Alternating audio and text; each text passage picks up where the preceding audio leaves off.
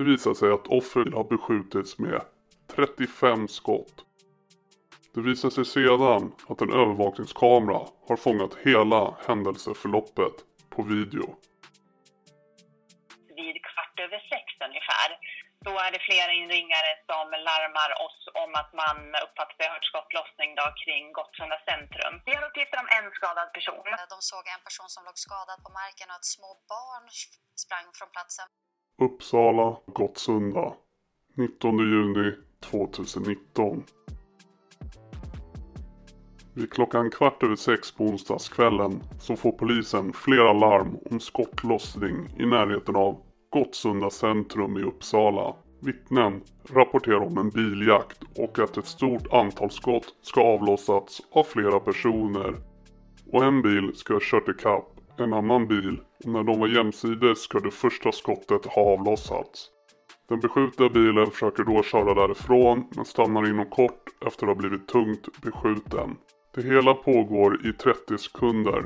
Sedan åker de två maskerade gärningsmännen snabbt ifrån platsen i sin bil och massor av vittnen och småbarn sprang från platsen. Polisen var på plats strax efter att larmet kommit in.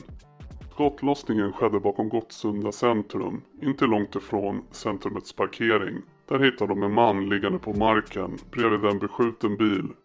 Svårt skottskadad. Han förs direkt till sjukhus.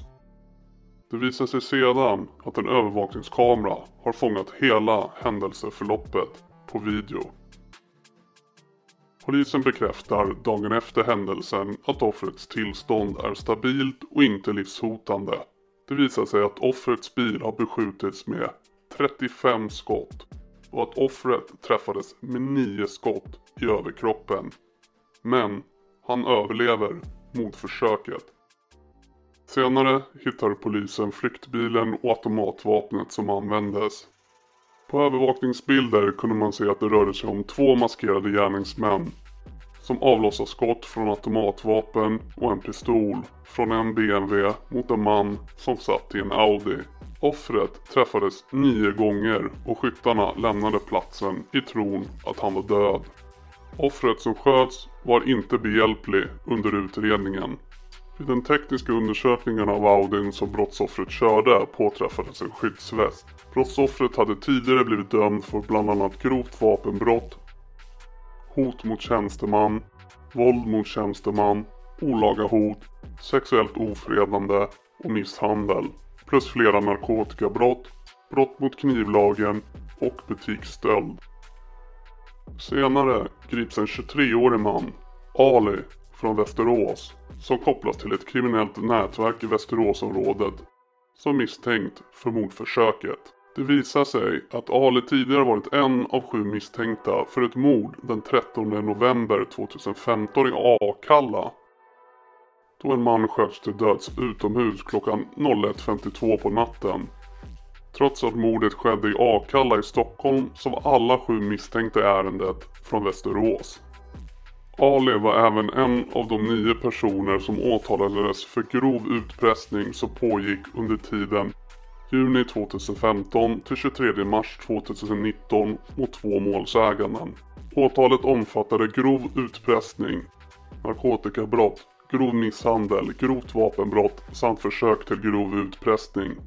Ali är hemmahörande i området Bjurhovda i Västerås och han döms till fängelse i tre år och två månader för grov misshandel. I polisutredningen framgår det att Ali varit anställd i kommunens skattefinansierade program Change to Changes som ska förebygga att yngre individer dras in i kriminalitet men även hjälpa deltagare att bryta mot det kriminella livet. I mars 2019 blev han anhållen i sin utevaro för flertalet grova brott och blev sedan 28 september 2019 häktad i sin utevaro och efterlyst misstänkt för att ha gömt ett automatvapen i ett skogsområde. Ali blir alltså åtalad för mordförsöket i Gottsunda och är alltså efterlyst av polisen när han utför skjutningen. Den andra skytten vid mordförsöket är fortfarande oidentifierad.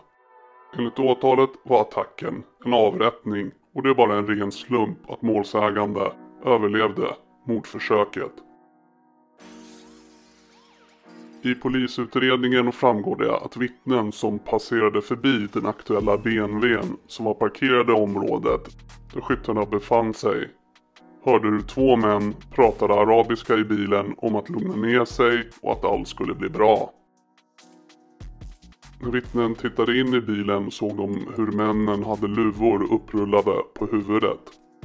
Dessa vittnen har även pekat ut Ali vid en fotokonfrontation. Ali fälls och döms till 12 och ett halvt års fängelse för mordförsök och grovt vapenbrott.